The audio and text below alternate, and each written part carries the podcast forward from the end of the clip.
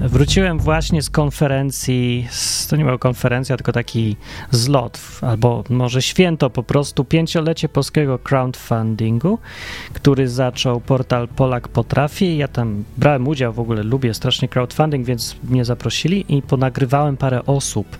Nagrałem na przykład Marcina Bielawskiego ze strony kosynier.eu. Marcin Bielawski to jest człowiek, co ma taki typowy człowiek, który ma pasję i dużo doświadczenia w życiu. No i tak gadałem o nim, e, żeby mi opowiedział coś, zwłaszcza na temat wolności, bo się tak uwziąłem na ten temat, ale przy okazji opowiedział coś, co się przyda słuchaczom odwyku i chrześcijanom w szczególności. Ma związek jakiś taki z Bogiem i z życiem duchowym. W sumie jedna rzecz, taka prosta rzecz, bo tak jak tutaj w tych kazaniach takich co, co to wymyśliłem, to nie chodzi o to, żeby bajdurzyć na temat jakiejś takiej dziwnej, tylko jedna rzecz prosta do zastanowienia się, na przykład na cały tydzień. I on powiedział jedną rzecz, więc po prostu dam mu to powiedzieć i to będzie tyle.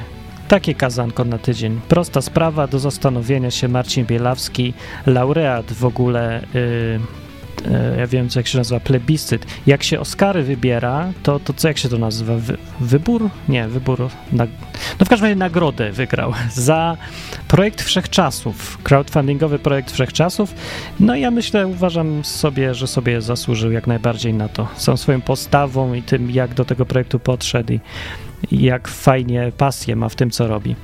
E, taki projekt roweru elektrycznego, ale takiego Cadillaca, taki po prostu Rolls-Royce. E, no dobra, jak chcecie, to sobie sprawdźcie resztę na stronie kosynier.eu, a, a, a resztę dla, dla wszystkich coś do powiedzenia życiowego od Marcina Bielawskiego, e, autora i ojca Kosyniera. Teraz do naszej myszy opowie e, zwycięzca konkursu na najdonioślejszy projekt crowdfundingowy. Jak się nazywał? Projekt Wszechczasów. Projekt Wszechczasów. I fantastyczny mówca, poważnie mówię, tak, tak, znam się na tym. Fantastyczny mówca, ale nie wiem, kto, jak Marcin jakiś, ale nie wiem jaki. Dobrze mówię? Marcin jakiś Bielawski. Bielawski. Który wymyślił rower elektryczny. Jak się firma nazywa w ogóle? Firma, zaskoczy cię, Kosynier. Kosynier. Będziesz tak już nazywać? Tak, bo plan był taki. My już jak trzy lata temu, to sobie jakoś tam ustaliliśmy co, kiedy tam... E, musimy powiedzieć, że nie, nie wiemy komu, nie wiemy. komu bijemy brawo, ale Podoba tu są się, sami zwycięzcy. Tak, jesteś zwycięzcą. Kimkolwiek jesteś, tak. Dobra, ostatecznie, e, co ci się kojarzy ze słowem free? No, znaczy to mi się kojarzy z polami. Z polami, free i pola. Powiedzmy, że większość w Polsce to są katolicy, nie? Ja nawet swego czasu byłem tam właśnie mocno zaangażowany i tam w pewną społeczność taką działającą. Byłem nawet animatorem, gdzie było pode, pode kilka osób, młodych osób, gdzie my rozmawialiśmy na temat Biblii i tak dalej, i tak dalej. Ale słuchaj tego, ale słuchaj tego. Ja w wieku dwudziestu paru lat dotarło do mnie, jakie jest najważniejsze przykazanie katolików. Ja już katolikiem nie jestem, ale najważniejsze przykazanie katolików. Będziesz szanował bliźniego swego jak siebie samego. Ale to chrześcijan, a nie, niekoniecznie katolik. No tak, ale i teraz do czego zmierzam? No tak. Ja sobie wtedy, jak w końcu to do mnie dotarło, kiedy miałem dwadzieścia parę lat. Mhm.